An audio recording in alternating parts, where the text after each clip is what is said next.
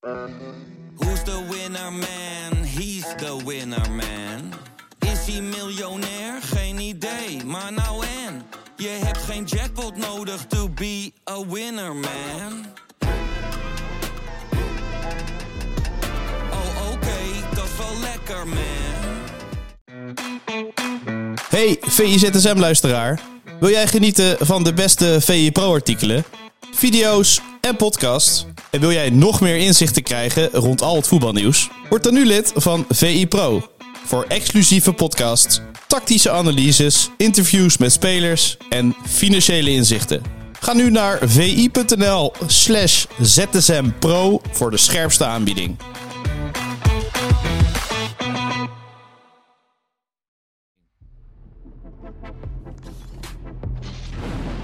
Goedemorgen en welkom bij een nieuwe aflevering van VIZSM, de dagelijkse podcast van Voetbal International, waarin we jullie meenemen in het allerlaatste nieuws. Mijn naam is Jarno Verwij en ik zit zoals iedere maandag aan tafel met hoofdredacteur Pieter Zwart. Goedemorgen. Goedemorgen. Een lekker voetbalweekend gehad, Pieter. Nou, dat was een prima voetbalweekend. En misschien niet heel spectaculair, eh, zeker in de Eredivisie. Alleen, nou, bijvoorbeeld de titelrace eh, lijkt nu toch wel echt eh, definitief helemaal eh, beslist. Het is nu meer de vraag wanneer gaat PSV kampioen worden. Ja, precies. Laten we dan ook maar gelijk met PSV eh, beginnen. 2-0 zege op Almere City. Almere maakte overigens een prima indruk. Maar ja, de zege is eigenlijk geen moment echt in gevaar geweest, toch? Nee, ik zag veel reacties van ja, een beetje tegenvallend of een stoeve zegen. Dat vond ik eigenlijk wel meevallen. Ze creëren best veel kansen, geven bijna niks, eh, geven ze weg eh, PSV. Dan gegeven de context waar ze uitkomen van puntenverlies tegen Utrecht, dan een tikje gehad tegen Feyenoord. En dan eigenlijk zo soeverein winnen van Almere. Het was natuurlijk niet als de een naar de andere kans creëerde, maar als je bijna niks weggeeft en je creëert zelf wel genoeg kansen, ja, dan vroeg of laat valt wel een bal binnen. Dus het was gewoon een ja, reguliere 2-0 zegen. En in deze context nog steeds zonder Joey Veerman, nog steeds zonder Sarbari. Eh, als je dan dermate probleemloos dat voor elkaar eh, krijgt. Want Tilman was bijvoorbeeld ook nog eh, afwezig. Dus op het middenveld eh, ja, missen ze wel echt een heel aantal spelers. Ja, En we zagen Noah Lang op het middenveld. en Noah Lang die kreeg daar de kans. Dat was wel leuk om te zien. Maar als je dan in die samenstelling ja, zo makkelijk eigenlijk wint. en staat natuurlijk ja, nu er fantastisch voor. Dus ja, dit, de, dit zagrijn dat er soms een beetje rondom PSV lijkt te zijn. Daar is volgens mij niet echt eh, aanleiding voor. Nee, Luc de Jong was met twee doelpunten opnieuw eh, belangrijk. Ik wil toch nog even specifiek in op de rol van Noah Lang op het middenveld. We hebben natuurlijk vrijdag een video opgenomen waarin we eigenlijk ja, de pijnpunten van PSV in de afgelopen twee duels voor Almere City Mhm. eh, hebben besproken. Was dat ook een reactie daarop, denk je? In ieder geval om te kijken van, oké, ze gaan misschien die twee centrale onder druk zetten. Bijvoorbeeld, eh nou ja, Ramaljo zou dan onder druk gezet worden. Is dat dan misschien een oplossing? Ik denk dat dat ermee te maken heeft, maar ook gewoon noodzaak. Dus ik denk dat het een combinatie van dingen is. Dus ja, je mist er eigenlijk drie op die plek met Sabari, Veerman Ja. en Tilman. Eigenlijk de eerste drie opties. Hij heeft ook wel eens periodes dat hij Van Aanholt en Mauro Junior daar ineens neerzetten. Ja, alleen dat was meer natuurlijk controlerend met Ja. Van Aanholt. eh, Dus die meer op de plek van Schouten. Maar Junior heeft daar natuurlijk wel eh, ingevallen. Maar in dit geval gaf hij ook aan dat hij lang weer een keer in de basis wilde zetten. En Lozano zit natuurlijk in een soortgelijk eh, traject. Dus ik denk dat ook een paar dingetjes bij elkaar kwamen dat Bos dacht, nou, dat komt niet zo heel slecht uit om dat dan in deze wedstrijd eens een keer te proberen. En hebben we dat ook gezien in hoeverre dat een optie is. En die jongens maken eh, ja, minuten, waardoor uiteindelijk is het ook een beetje voor PSV denk ik nu toewerken richting eh, dat tweeluik eh, met Dortmund. Ja, dat Ja. ze dan weer klaar zijn om daadwerkelijk wedstrijden te beginnen, Lozano en Lang. En ook het langer eh, vol te houden.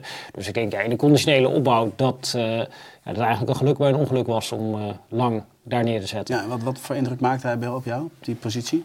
Ja, prima. Alleen, ja, het is wel voor bepaalde wedstrijden, denk ik, met deze oplossing. Want Til stond er ook nog naast, die natuurlijk ook echt heel aanvallend is. Dus eigenlijk speel je met praktisch vijf aanvallers als dit je opstelling is bij PSV. Ja, wat denk ik kan tegen Almere City thuis. Maar ja, of je dat dan bijvoorbeeld volgende week, zaterdag spelen ze natuurlijk tegen Ajax, dan weer gaat doen, dat, dat zou ik al tegen Ajax betwijfelen. Of je hem dan eh, op die plek eh, gaat eh, neerzetten met ook Ja. nog eh Til ernaast. Dus het is in bepaalde wedstrijden denk ik een oplossing. Alleen, ja, normaal gesproken zou je dan denken, als je hem daar neerzet, dan is hij eigenlijk voor de plek van Til als meer is vooruitgeschoven middenvelder. Maar goed, misschien is bijvoorbeeld Veerman ook gewoon weer inzetbaar tegen Ajax. Dan verandert, eh, verandert alles. Ja, precies. Dan gaan we nu naar Feyenoord. 0-0 tegen SC Twente. Een wedstrijd waar we denk ik beide op voorhand enorm eh, naar Ja. uitkeken. Eh, 0-0, saai of niet? Nou, was niet saai. Alleen het was natuurlijk ook niet spectaculair. Omdat dan die plot twist een beetje uitbleef. Ja, de enige plot twist die er natuurlijk was, was die penalty meteen naar rust. Dat je denkt, oké, dan gaat nu Feyenoord op voort kon komen. En die wedstrijd misschien wel makkelijk eh, winnen. Eh, en dat die penalty eh, dan misgaat. Maar ja, voor de rest was het heel erg eentonig eigenlijk. Hoewel de eerste helft had natuurlijk Twente twee, drie momentjes dat ze er goed, goed uitkwamen. En ook even gevaar stichten. Alleen dat, ja, dat was de narust is Twente helemaal niet meer eh, gevaarlijk geweest. Er was echt eenrichtingsverkeer vanuit eh, Feyenoord eh, richting het dat heeft me wel Twente. verbaasd eigenlijk. Want ik, dat, dat Feyenoord gewoon goed kan voetballen. Want je zag ook na de gemiste strafschop... een beetje ja, de, de verslagenheid bij, bij Slot ook wel duidelijk op de bank. Maar toch had ik meer weerstand van FC Twente ook verwacht. Ja, aan de ene kant wel. En aan de andere kant heb je ook bij Twente natuurlijk de context. Dus Stijn ziek, Van Wolfswinkel ziek, Ugalde op weg eh, naar een transfer. Van Bergen was ook nog ziek. Eh, dus ja, die moesten daar voorin. Was het al behoorlijk eh, schuiven. Dus Rots werd in één keer spits. Brunet werd in één keer rechtsbuiten. Ja, Flap die kon dan zijn oude rol eh, in ieder geval nog houden. Maar Eiting moest in één keer als nummer 10 eh, spelen. Dus dat hele elftal werd ook een beetje Ja. door elkaar eh, gehusseld. Eh, ja, en gegeven dat en dat ze ja, hadden natuurlijk een resultaat te verdedigen. Dus ik denk ook dat dat de reden was in de eerste helft. Probeerden ze nog wel onder die druk van Feyenoord uit te komen. Dat ze dat ja, steeds minder ook gingen doen.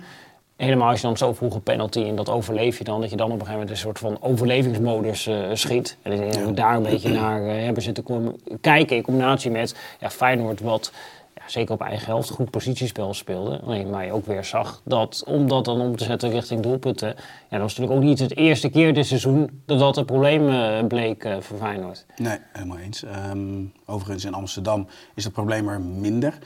Ehm ze winnen met 4-2 bij Heracles. Ja. Brian Brobby eh, valt op met zijn poeier. Twee doelpunten, belangrijk. Je ziet wel dat hij steeds... Hij is al een tijdje goed bezig, maar het valt steeds meer op. Dat klopt. En in dit geval eh ja, viel ook wel op eh, type loopacties waarmee hij dan doelpunten Ja. maakt. Dus dat daar wat meer variatie in zit. Dus niet altijd die kont erin draaien. En als je die kont erin draait, ook wel eens een keertje open draaien om zelf eh, te, Ja. kunnen, te kunnen schieten. en hij- verrast hij me wel met die goal. Want dat is, dat is normaal gesproken zie je dan toch dat hij ogen Ja, voor de hij zei lopende laatst speler... dat het, eh, want het is natuurlijk veel gegaan over de spitsentraining, et cetera, et cetera. Maar toen was denk ik naar RKC dat hij zijn doelpunt maakte. Dat was blijkbaar een tip van zijn broer. Dus dat is een soort eh, individueel trainer blijkbaar voor Bobby. Alleen ja, tegelijkertijd hier is het ook wel, weerstand moet je ook wel meenemen. Want ja, die, keeper van Heracles vond bij die schoten niet... Ja, het zijn gewoon eigenlijk schoten hard door het midden van het doel. Dat vond ik niet een hele geweldige indruk eh, maken. En ook die ja, verdediger bijvoorbeeld bij die eerste goal die hij dan maakt. Ja, als je dan... Ik vind de verdediger daar meer van. Bij de eerste goal is de afstand naar de keeper wel zo klein. Dan kun je nog, maar bij de Ja, tweede is zeker. klein, ja. Maar eh, qua verdediging is het inderdaad... eh, Ja, nee, dat, dat zag natuurlijk ook tegen RKC. Ja, eh, hij wint gewoon een fysiek duel en kan op die manier aan doelpunt komen. Ja, dat, dat gaat tegen PSV waarschijnlijk weer niet zo makkelijk zijn voor hem. En dat is natuurlijk ook, ja, het gaat dan natuurlijk veel met Bobby meteen of Nederland zelf, et cetera, et cetera. Alleen, ja, dat kun je natuurlijk helemaal niet beoordelen op basis van deze wedstrijden. Ik maar mag- tegen PSV wel. ja, tegen PSV wel, maar ik mag hopen dat het Nederlands elftal op het EK niet tegen verdedigers speelt van het niveau eh Heracles eh, en RKC. Want het, het is gewoon heel, heel laag niveau waar je tegen speelt. Het is ook geen toeval dat eh Pavlidis, Brobby, De Jong eh, en eh Jiménez, dat die allemaal heel veel scoren in deze eredivisie. Ja, dat is omdat veel teams in dat rechte rijtje gewoon ja, relatief ten opzichte van eh, de topteams heel erg zwak zijn. En dan kom je heel erg makkelijk aan heel veel doelpunten. Eh, alleen we moeten dan niet, als je dan een reeks van die zwakke broeders achter elkaar hebt eh, en dat Bobby scoort, wat je eigenlijk mag verwachten, denken van Ajax-spits, dan doen alsof het eh, een soort sensationeel iets is dat de spits van Ajax bal erin schiet eh, tegen Heracles Almelo. Ik denk je moet beoordelen op, oké, hij gaat straks tegen PSV spelen en ja, hoe gaat hij zich daar eh, houden. Eh, en ja, zie je dan die positieve lijn die hij nu heeft ingezet, ja, kan hij dat doortrekken onder hogere weerstand? Ik denk dat het dan ja, met oog op het Nederlands elftal interessant wordt. Zoals bijvoorbeeld uh, Zirkzee bij Bologna. Die schiet er ook weer een uh, balletje in. Maar dat is wel onder echt hoge weerstand ja. natuurlijk uh, in Italië. En dat dan afzetten ten opzichte van de Eredivisie, daar kun je denk ik makkelijk op verkijken.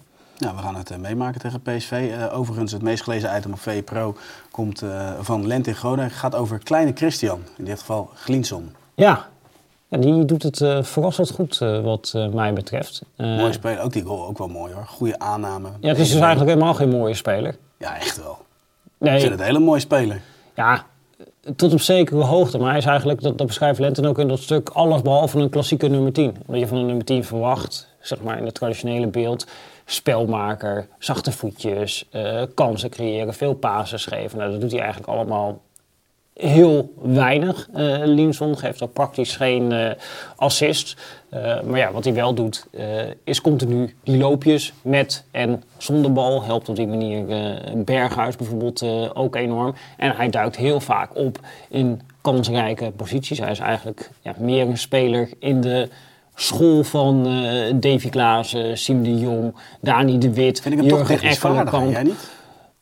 Als je naar de eerste goal aanname met rechts en dan met links schiet. Ik vind wel dat hij in de korte ruimte, hij draait ook vrij snel. En dat soort doelpunten heeft natuurlijk Klaassen natuurlijk ook heel veel gemaakt. Alleen als het nieuw is, dan is het natuurlijk allemaal nog eh, leuk en eh, sensationeel. Maar ik denk qua type dat hij daar... Kijk, het is natuurlijk niet exact hetzelfde, maar ik denk qua type... eh, dat hij daarbij in de buurt komt. eh, met ja. eh, dat verschil dat hij ook wat makkelijker misschien aan de zijkant uitwijkt. En misschien op net wat andere posities uitkomt. Ja, wat heel prettig is voor Berghuis. Want die laat hij gewoon heel goed functioneren in Ja. die tandem. Ja, dus dat helpt. En hij doet defensief die arbeid, ja, wat je bij Ajax ook wel heel goed kan gebruiken. Dus ja, is voor dit Ajax gewoon een hele belangrijke speler. Ook al, ja, als je hem seks zou beoordelen op nou ja, ja, hoe goed hij nou echt daadwerkelijk is in eh, kleine ruimte, kansen creëren, creativiteit. Dat je misschien zou zeggen, oh, het is geen nummer 10 voor Ajax. Maar binnen dit elftal eh, voegt hij kwaliteiten toe die anderen gewoon ja, niet hebben. En daarmee is hij gewoon eh, ja, van de grote toegevoegde waarde. Ik denk dat hij ja, een van de eerste is die eh, van het schip over het algemeen op het wedstrijdformulier eh, Ja, zet. het is geen echte specialist, wat je toen het bij Liverpool ook al had, met, met drie middenvelders die heel complementair aan elkaar zijn. Maar niet per se een specialist, aanvallende middenvelder, verdedigende middenvelder, creatieve middenvelder of lopende middenvelder. Maar gewoon echt allround. Ja, nee, dat klopt. En eh, ja, met zijn specifieke kwaliteiten, ja, met name dat lopen, ja, dat laat die anderen beter eh, functioneren en beter eh, Ja. eruit zien. En dat is, eh, ja, denk ik, heel positief voor dit Ajax. Helemaal als je ziet hoe kwetsbaar ze nog steeds zijn als eh, geheel. Je ook tegen dit Heracles Almelo weer zoveel kansen weggeeft. Ja, dat blijft natuurlijk wel een groot punt van zorg voor John van der Schip. Ja, eens. Dan gaan we naar één onderwerp uit het buitenland. Tenminste, twee clubs gaan bespreken. De trainerspositie van eh, Liverpool komt vrij. De trainerspositie van Barcelona komt vrij. Vandaag op VI Pro gaan we eigenlijk de topkandidaten bespreken voor Liverpool. Met Suleiman Öztürk. Met Suleiman Usturk, uiteraard. Ehm, ja, als je, als je nou naar het nieuws kijkt van Klopp, Xavi... In hoeverre was jij verrast door het nieuws? Ja, allebei. Omdat nou, Xavi zat er misschien wat meer aan te komen dat die druk aan het ja, werd opgevoerd. Alleen. Maar ik had daar- niet vanuit hem verwacht.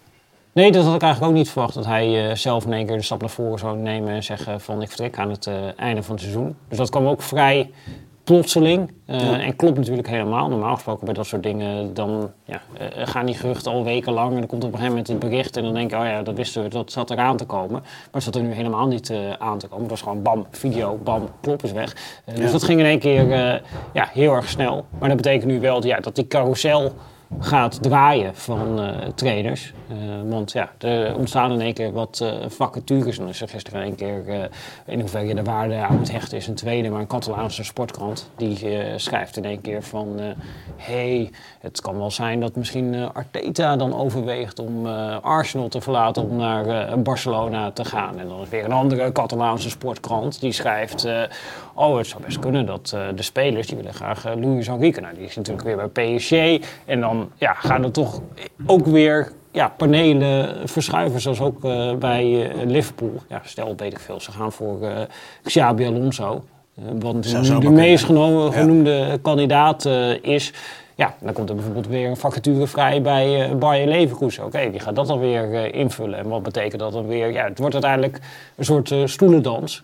In, in die stoelendans gaan ja, dus duidelijk komende zomer ja, her en der stoeltjes vrijkomen. En dat is wel eh, ja, interessant om dan te zien van nou, wie gaan daar opspringen. Eh, want ja, er zijn natuurlijk een beperkt aantal vacatures in die echte top.